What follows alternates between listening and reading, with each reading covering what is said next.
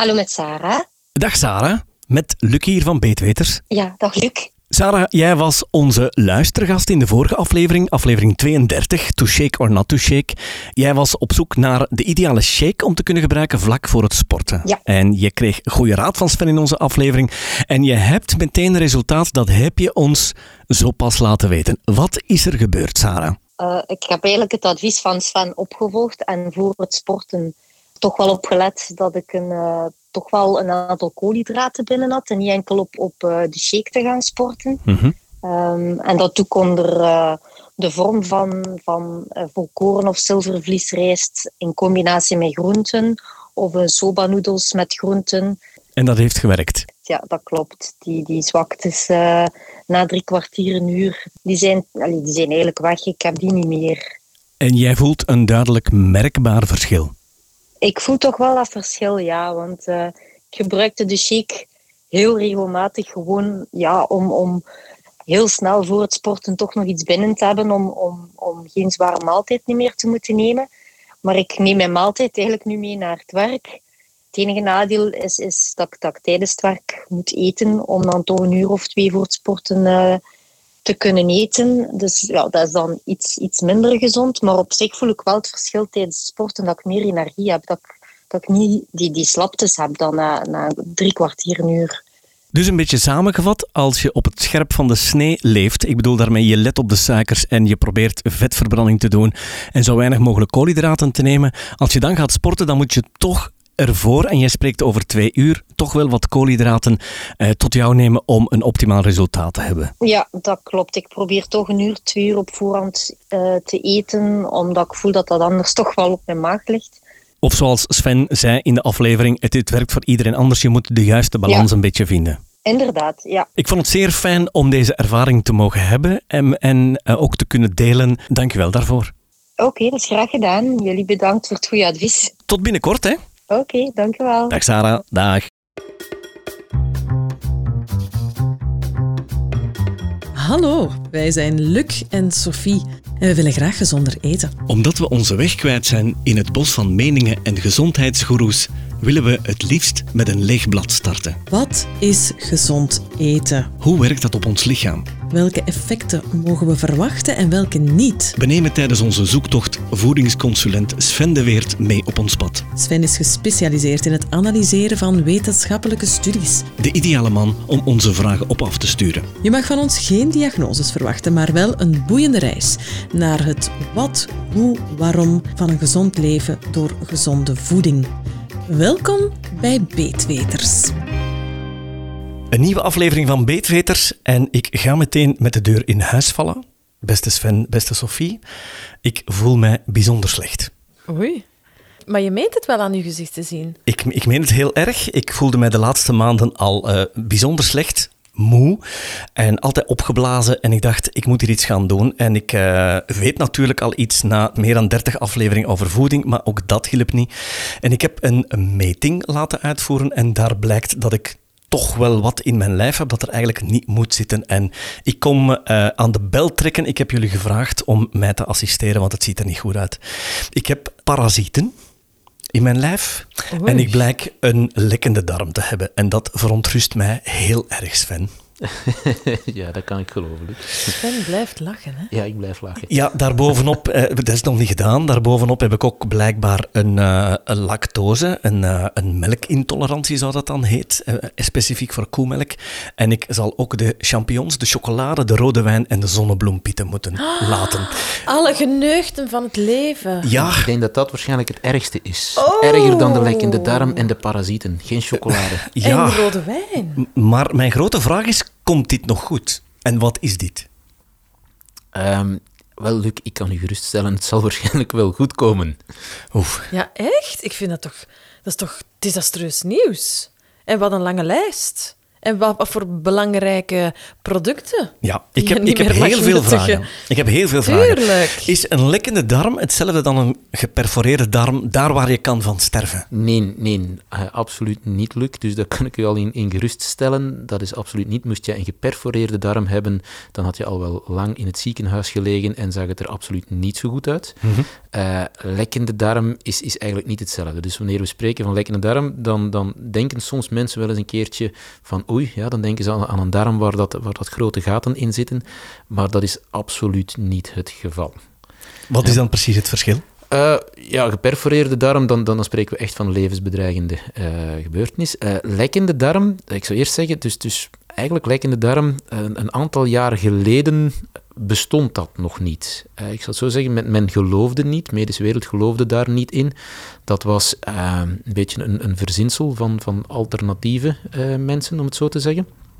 Ehm, nu, sinds, sinds een aantal jaren wordt het wel erkend. Hè, en en spreken ze in de medische wereld eerder over verhoogde permeabiliteit van de darm. En dat is eigenlijk gewoon hetzelfde als een lekkende darm. En wat wil dat nu zeggen? Dat wil eigenlijk zeggen dat de darm een verhoogde doorlaatbaarheid heeft. En in mensentaal wil dat zeggen dat daar eh, zaken, bacteriën, voedingsstoffen en andere zaken die dat dagdagelijks eh, in onze darm zitten en daar passeren, eigenlijk door die darm door kunnen en zo in jouw bloed terecht kunnen komen. Dus dat zijn zaken die normaal gezien daar niet kunnen komen en daar nu wel kunnen komen. Maar spreken we dan over een doorlaatbaarheid over de ganse darmwand?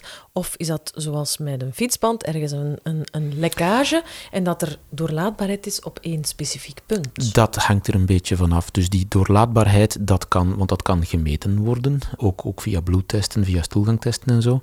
En dat hangt er een klein beetje vanaf. Dus het kan een klein beetje eh, doorlaatbaar zijn, dat kan groter doorlaatbaar zijn. Nu, daar zijn ook zaken, want, want die verhoogde doorlaatbaarheid van de darm, hè, om, je mis- misschien meteen eventjes al gerust te stellen, Luc. We weten bij, bij mensen die intensief gaan sporten, en met intensief bedoelen we van het moment dat jouw hartslag hoger is dan 70% van jouw maximale hartslag. En dat heb je al wel gauw. Dus dat wil zeggen van het moment dat je gaat hijgen, en voor de mensen onder ons die regelmatig sporten, hijgen doe je al gauw. Van het moment dat je gaat hijgen, krijg je een verhoogde doorlaatbaarheid van de darm. Dus krijg je eigenlijk een lekkende darm. En dat is dan een tijdelijk iets na het sporten. Als het sporten gestopt is, dan stopt dat terug. Dus dan gaat die darm terug meer ja, dichtgaan, gaat hij zichzelf herstellen. En dan, dan is dat eigenlijk terug opgelost. Maar dus op die moment, tijdens heel intensieve inspanningen, heb je altijd een lekkende darm. Maar dat is zeker niet de oorzaak. Het intensieve sporten. Nee, dat is absoluut niet nee. gebeurd. Ik zou eerder zeggen, de laatste maanden heb ik eh, bijzonder weinig op mijn voeding gelet. Ik denk dat het eerder komt, en jij mag dat al dan niet bevestigen, dat het komt door de, door de rommel en de snoep en de, en de ijsjes. En dat daardoor misschien die darmwand is aangetast. Eh, wel, kijk, er zijn meerdere oorzaken van een lekkende darm. Zoals ik al zei, een van de oorzaken is intensief sporten. Maar dat is bij niet iedereen eh, zo. Dus niet iedereen gaat intensief sporten. En dat is ook een tijdelijk iets. Dus, dus van het moment dat je stopt met dat sporten, eh, een beetje later gaat die darm zich terug herstellen. Maar we weten dus wel dat, dat sporters, en, en vandaar dus eh, mensen die heel intensief sporten, die intervaltrainingen doen en zo, Ehm, die zullen dat wel, wel herkennen. Dan kan je dus misselijk zijn, je kan spijsverteringsproblemen en zo krijgen. Wel, een van de oorzaken is door die lekkende darm. Dus op die moment komen er zaken vanuit jouw darm in jouw bloed terecht. En eigenlijk word je, om het dan met, met grote woorden te zeggen, een klein beetje vergiftigd van binnenuit. Hè? Dus vergiftigd is nu een beetje een, een groot woord, maar eigenlijk komen er dus zaken binnen die op die moment niet mogen binnenkomen. Immuunsysteem gaat daartegen reageren, heel het lichaam gaat reageren. En dus, dus vandaar dat je soms ook eh, de problemen kan krijgen als je heel intensief sport, dat je dus diarree kan krijgen of dat je dus zelfs kan, kan overgeven of zo. Dat is een reactie van het lichaam dat zegt van ja, kijk, dit komt hier niet goed. Al hetgeen dat er nu nog in zit, eh, liefst zo snel mogelijk eruit. Want ik word aangevallen van binnenuit, Ja. om het dan zo te zeggen. Het is een beetje hetzelfde als met, met eh, voedselvergiftiging of zo.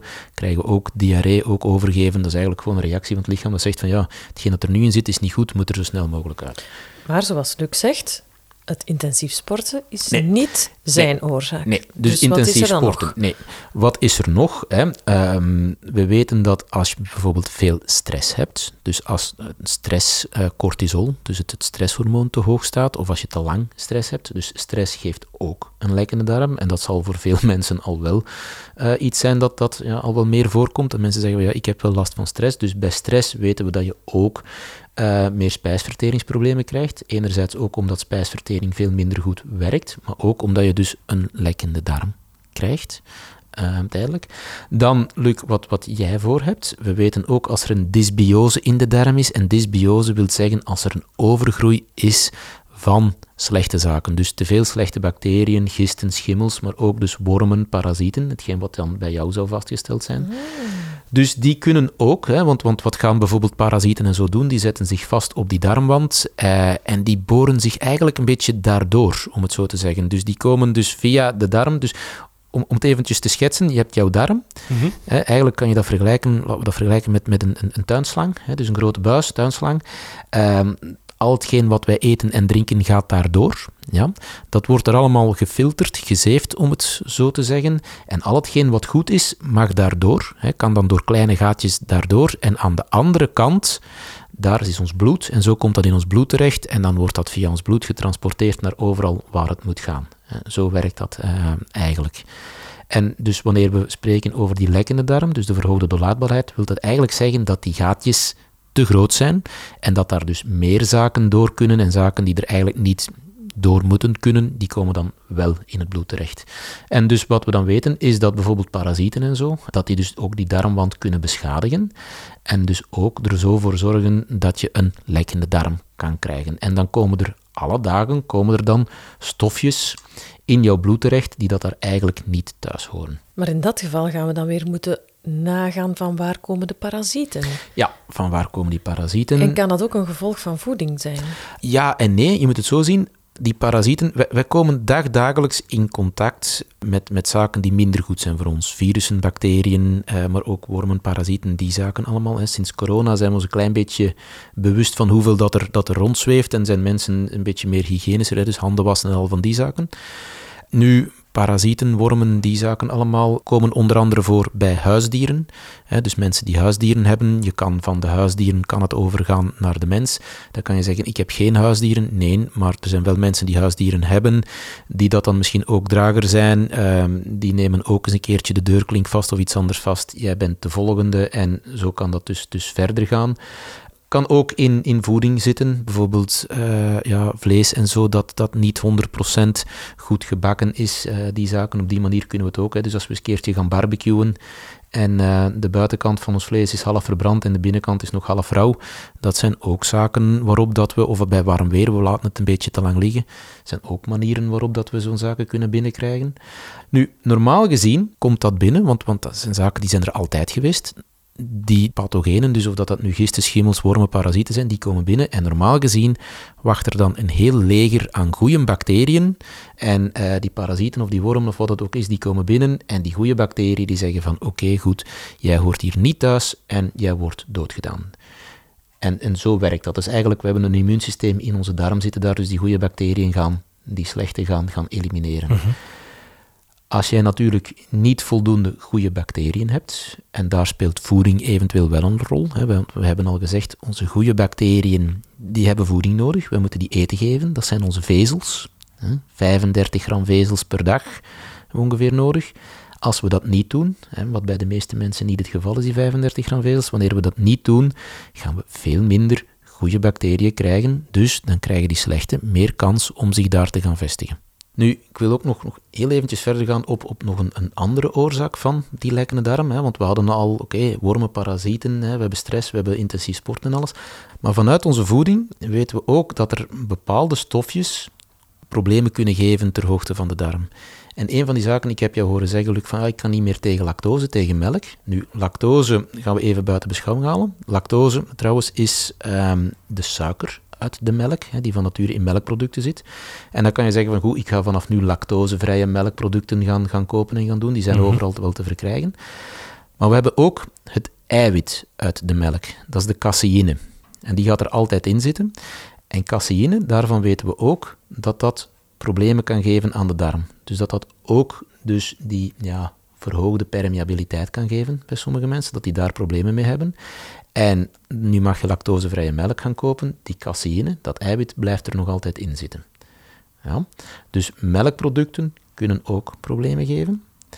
Wat we dan ook nog weten is dat ehm, gluten, die kunnen ook lekkende darm geven, want glutenhoudende producten, glutenhoudende granen, zoals bijvoorbeeld tarwe en, en zoals bijvoorbeeld ook spelt en rogge en die zaken allemaal, die gaan zonuline verhogen. En zonuline is eigenlijk een stofje dat ervoor zorgt dat jouw cellen in de darm mooi dicht tegen elkaar zitten. En als sonuline te hoog staat, en dat kunnen ze testen via stoelgang en via een bloedonderzoek. Via stoelgang zien ze het eerder, want voordat dat in het bloed te hoog is, is het in, de stoelgang al wel, wel langer en meer verhoogd.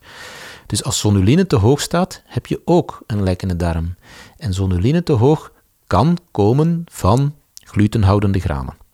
Dus, en als je dan de glutenhoudende granen gaat wegdoen, dan kan het zijn dat jouw sonuline ook gaat verminderen en dat dan die lekkende darm wordt opgelost. En, ik weet niet of dat jullie het nog weten, maar we hebben het in vorige podcast al wel eens over gehad. In de glutenhoudende granen zit ook nog een ander stofje. En dat heet de amylase-trypsine-inhibitor. Yep, ik ken hem nog. En van de amylase-trypsine-inhibitor is ondertussen bewezen dat het ontstekingen geeft ter hoogte van de darm, dus een lek in de darm veroorzaakt. En dat zit in alle glutenhoudende granen, dus ook in onze tarwe en zo.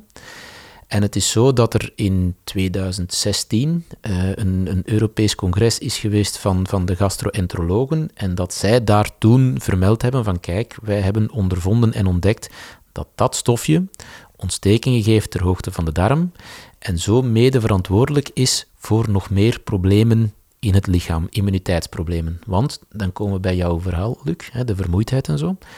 Wat gebeurt er als je een lek in de darm hebt? Dus als die gaatjes in die buis te groot zijn, dan kunnen daar dus dingen doorkomen die normaal gezien er niet door mogen komen. En dat kunnen bacteriën zijn, dat kunnen ook goede bacteriën zijn, bifidusbacterie bijvoorbeeld of andere zaken. Uh, maar dat kunnen voedingsstoffen zijn die nog niet 100% verteerd zijn. Die kunnen daar doorkomen en die komen in jouw bloed terecht. En dan zegt jouw immuunsysteem van verdorie, dat hoort hier niet, dus ik moet daartegen gaan reageren. En een immuunsysteem vraagt vrij veel energie. Dus een immuunsysteem gaat met de helft van de koolhydraten kan gaan lopen. We weten allemaal, als we ziek zijn, hè, als, we, als we de griep hebben of we hebben corona gehad, of als we ziek zijn, dan zijn we moe. Dan gaan we liggen, dan gaan we slapen. Waarom? Ja, eigenlijk omdat dat immuunsysteem op die moment heel veel energie verbruikt. Ja, onze hersenen die hebben ook nog energie nodig. Dus eigenlijk wordt er gezegd tegen het lichaam van, oh, liggen, rusten, niks doen. Geef het immuunsysteem nu alle energie en de kans om hier de vijand gaan op te ruimen. Binnen twee, drie dagen is dat hier wel opgelost, zijn we genezen, kunnen we weer verder. Zo werkt dat een beetje.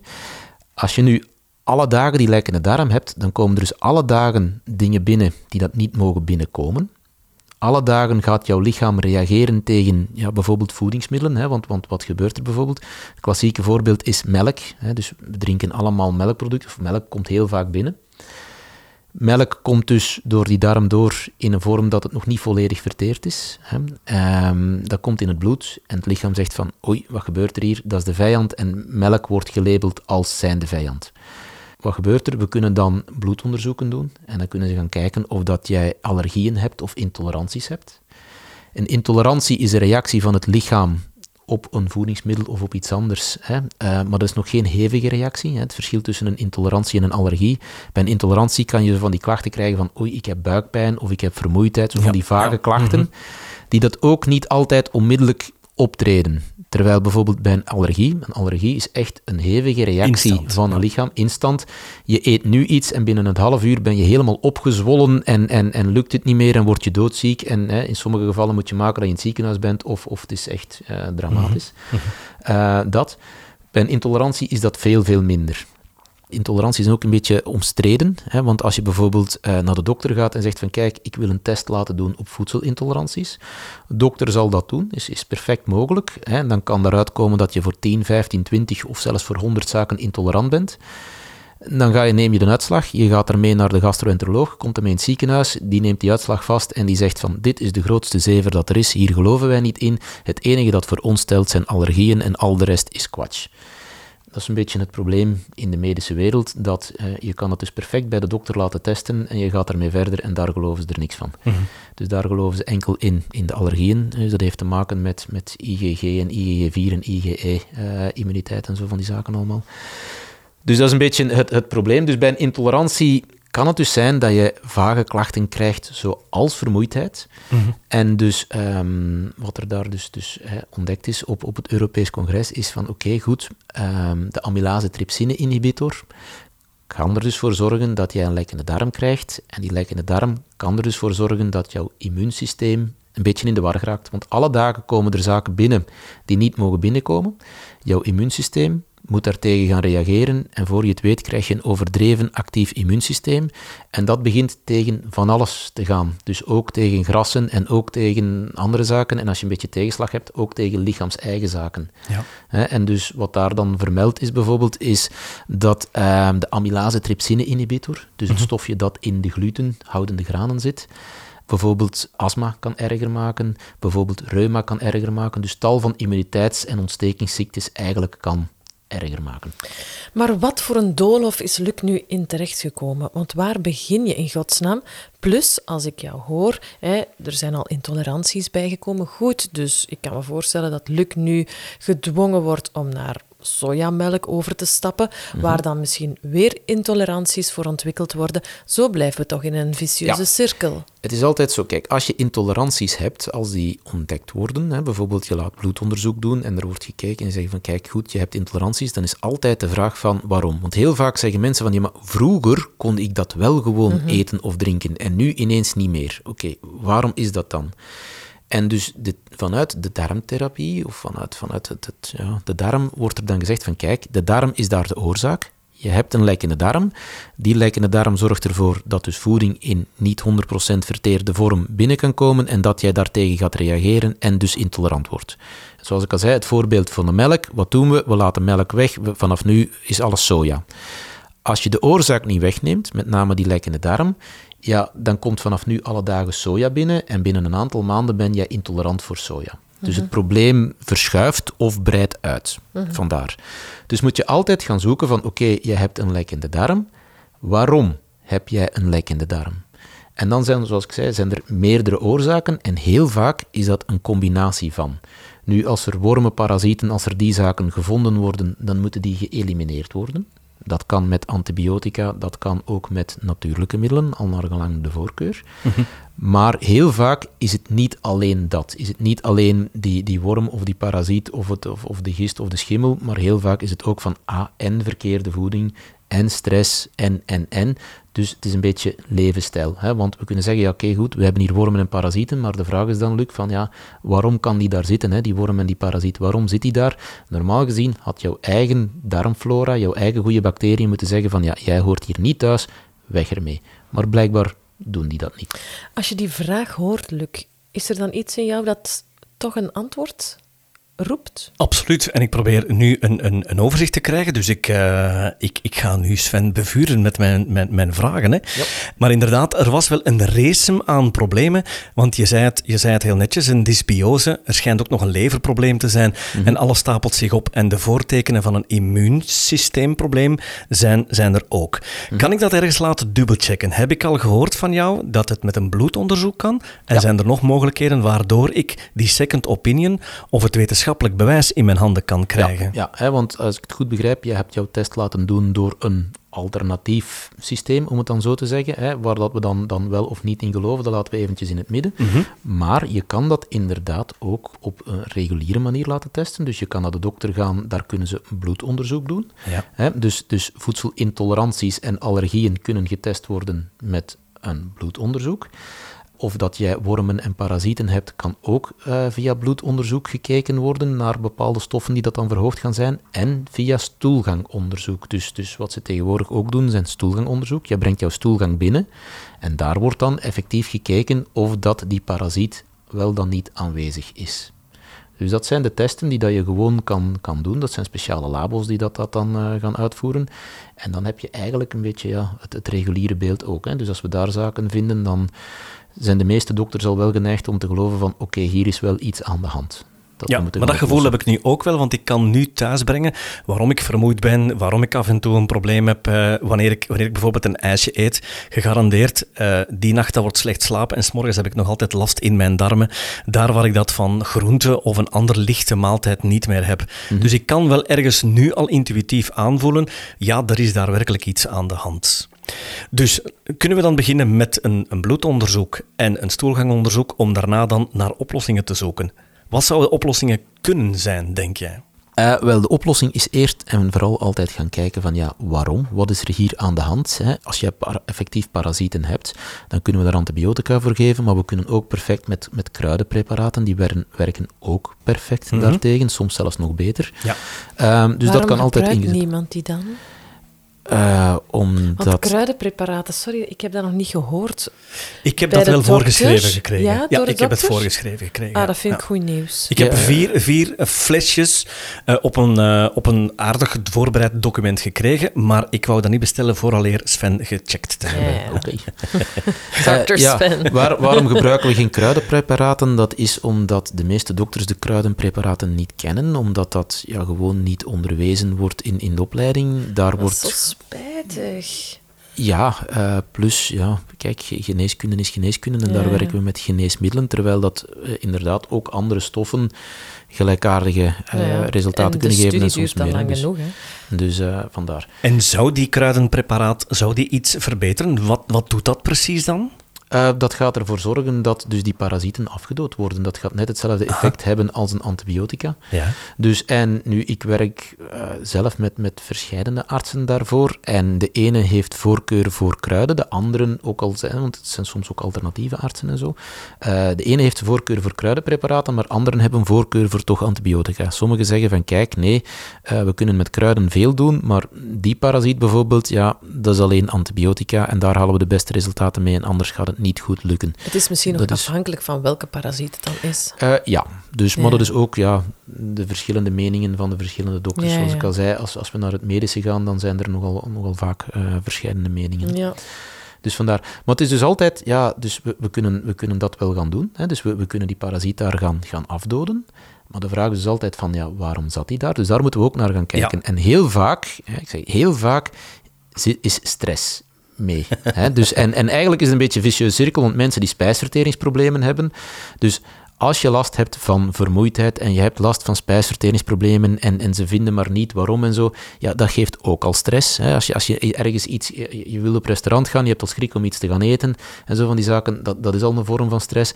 Die vermoeidheid, omdat je altijd moe bent, je gaat naar de dokter, ja, ik ben moe, ja, we gaan eens bloed trekken, ja, maar je ijzer en je B12 staan nog goed, dus we, we weten het niet echt. Dat is ook al een vorm van stress, om, om het dan zo te zeggen. Maar dus gewoon al, ja, die belasting van binnenuit is ook een vorm van, van, van stress. Hè? En dan hebben we nog de andere stress. En, en daar moet ook naar gekeken worden. Want ik zeg altijd tegen mensen, neem nu dat je gewoon echt heel veel stress hebt van buitenaf. En dan bedoel ik echt dus de stress van ik slaap te weinig en ik heb zorgen en al van die zaken. We kunnen heel veel doen met voeding, we kunnen heel veel doen met kruidenpreparaten of met andere zaken. Maar als dan stress de oorzaak is dat die spijsvertering slecht gaat en dat je een lekkende darm hebt, ja, zolang dat je de stress niet onder controle krijgt, gaan we het al de rest ook nooit niet 100% oplossen. Sorry, maar de yogalessen die ik bijwoon zijn dik bevolkt door mensen met dezelfde symptomen. Hoe dikwijls ik al gehoord heb van ik heb last van intoleranties, ik kan niet meer eten wat ik vroeger at, ik ben opgeblazen, kan eh, ja, voeding niet meer verdragen, ook in een soort van medische mallenmolen terechtkomen, dan, dan denk ik, Luc, jij moet yoga gaan doen, of ademhalingsoefeningen of meditaties, maar dat lichaam moet gereset worden. En ja, ik ben er absoluut voorstander van. Ik ben hier nu niet de grote oplossingsbedenker, Nee. maar ik wil dat toch wel eventjes benadrukken, omdat ik het zo vaak hoor. En omdat ik ook al zo vaak gezien heb wat het met mensen doet en ja, hoe dat het een, een, een lichaam terug on track heeft gebracht. Ik zeg altijd tegen mensen, het maakt niet uit wat je doet, maar je zou ergens een manier moeten vinden om terug te kunnen ontspannen, om die stress af te zetten. Ehm, en ademhaling doet gigantisch veel. Heel veel mensen als ze stress hebben, en, en dat hebben we ook al eens een keertje vermeld, gaan verkeerd ademen en veel te snel ademen. En dat geeft dan ook weer een signaal naar de hersenen dat er stress is en dat er van alles mis is. Plus, wat er ook gebeurt, is zuurstof-stikstofbalans veranderd. En dat is ook nooit niet goed voor spijsvertering. En dan, dan creëer je ook weer een klimaat waarin dat dus pathogenen, hè, dus, dus die slechteriken, kunnen gaan groeien en blijven groeien. Dus die ademhaling doet heel veel. En wat yoga bijvoorbeeld doet, hè, want mensen denken heel vaak van ja, het, is om, het, het, heeft, het heeft te maken met die beweging, ik moet mijn, mijn voet in mijn nek kunnen leggen Nee, en, en dat heeft dan niks. Nee, Oh, dus yoga is heel veel van Ja. nee, je doet een oefening, maar ondertussen focus je op de ademhaling. Dus yoga is heel goed voor die ademhaling, of dat dat nu yoga is, of mindfulness, of meditatie. Eigenlijk heeft het allemaal te maken met die ademhaling. Klopt. Maar dat kan even goed met, ah, ik ga gaan wandelen of ik doe iets anders waarbij ik tot rust kom. Maar die ademhaling, als de stress afgezet wordt en die ademhaling gaat terug, ja, wordt terug genormaliseerd, dat doet heel veel. En dat zorgt er dan mede voor dat inderdaad dat we terug een milieu creëren waarin dat die goede bacteriën terug kunnen gaan groeien en zich goed voelen. En dan terug ja, ervoor gaan zorgen dat, dat die slechte gaan, gaan, gaan wegblijven. Hè. Dus, dus, Want het is uiteindelijk toch ook een verhaal van hormonen die vrijgegeven worden, Mhm. hè, die dus antistress ook op den duur gaan moeten teweegbrengen in jouw lichaam, waardoor dat schildklier en alle gevolgen van dien Ja. ook weer al op een andere manier gaan draaien. als jij stress hebt, dan gaan er inderdaad, dan gaat uw cortisol gaan geproduceerd worden, uw adrenaline, er gaan een hele hoop zaken in het lichaam gaan, gaan veranderen en anders gaan. En door jouw ademhaling te controleren, kan je dus dat inderdaad ook heel dat systeem allemaal terug tot rust brengen. En ervoor zorgen dus, want zolang dat er stress is, elke keer als er stress is, hè, en dus bijvoorbeeld 20 of 25 keer op een minuut ademen is stress voor een lichaam, ook al zit je gewoon rustig op een stoel en denk je van ja, alles is in orde. Als jij 20 keer op een minuut aan het ademen bent, dan is dat voor jouw lichaam of voor jouw hersenen een vorm van stress, dus die weten dat niet. Hè, dus het is een verkeerde ademhaling. Ehm, dan gaat dat ervoor zorgen dat jouw spijsvertering nooit niet 100% functioneert. Dus gewoon omdat het lichaam zegt van kijk, bij stress, dan is het het, eh, het sympathisch zenuwstelsel dat geactiveerd wordt en dan kan je nooit niet goed eh, gaan verteren. Oké, ik heb hier al verschillende oplossingen gehoord. Enerzijds de yoga slash eh, mindfulness slash meditatie. Aan de andere kant het oplossen van, van de oorzaak buiten stress ook en de kruidenpreparaten om die lekkende darm of de parasieten gaan te bestrijden. Eh, eh, geef je dan of raad je dan ook nog iets aan om die lekkende darm te repareren of gebeurt dat vanzelf? Kijk, onze darm eh, regenereert zichzelf op vrij korte tijd. Dus we, we creëren constant nieuwe darmcelletjes. Dus, dus die darm, hè, dus, dus eigenlijk hebben we na een aantal dagen hebben we eigenlijk zo goed als een nieuwe darm. En dan kan je zeggen, ja, dan is eigenlijk na een paar dagen mijn lekkende darm toch hersteld. Ja en nee, zolang dat je de oorzaak niet wegneemt, zolang als dat je de bron van de ontsteking en de ontsteking niet afzet, gaat dat nooit niet 100% eh, genezen. Dus vandaar dat we zeggen van kijk, hè, dus een van de oorzaken, dus de, de, de, de parasieten die daar zitten, moet weggenomen worden. Maar wat ik dan ook aanbeveel is, goed, ga dan ook eens een keertje 1 à 2 maanden, laat dan eventueel die glutenhoudende granen weg, omdat daar dan de zonuline van verhoogd kan worden, omdat daar die amylase trypsine inhibitor in zit, hè, waarvan dat we weten dat het problemen kan geven. En dat is niet dat dat verschrikkelijk slechte zaken zijn, maar op deze moment heb je problemen. En dan is al hetgeen dat, ja, dat te veel is, is gewoon veel te veel. Dus laat dat gewoon eventjes weg. Dus is het eventjes glutenvrij, om het dan zo te zeggen. En ik zeg dan ook, laat dan eventjes melk in de zuivere melkvorm, dus melk in de vorm van melk en kaas, laat dat eventjes weg. En ga bijvoorbeeld wel, yoghurt kan eventueel nog wel, omdat dat al een gefermenteerd product is. En dan kan je zeggen, ja, maar daar zit toch ook nog die caseïne, dus dat eiwit in. Ja, maar dat is al een beetje een gefermenteerd product, dat gaat beter. wil ook weer niet zeggen dat je een kilo yoghurt op een dag moet opeten, maar dat kan eventueel nog wel in kleine hoeveelheden. Dus die twee vanuit de voeding, dat zijn de twee grote. Als we zien dat jouw immuunsysteem heel hard gaat reageren op iets dat heel gezond is, en dat kan een blaadje sla zijn of dat kan een tomaat zijn, ja, dan laat je dat ook eventjes weg, de zaken waar je heel hard op reageert. Dat dat immuunsysteem ook een klein beetje kan rusten.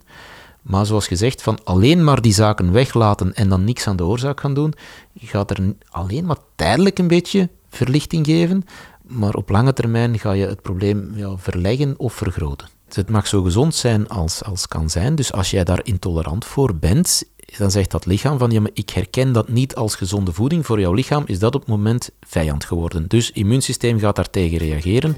Net alsof dat een virus of een bacterie of om het even wat is dat binnenkomt. Dat, en dan, ja, het is, het is geen voeding meer. Jij moet teruggereset worden. Wij gaan hier optimaal gebruik van maken en ik stel voor dat ik al de nodige second opinions verzamel en dat we hier later misschien kort op terugkomen. Heel graag en heel veel succes, Ja, Luc. oké. Dankjewel voor het consult, Sven. Graag gedaan, Luc. Tot de volgende. Dag.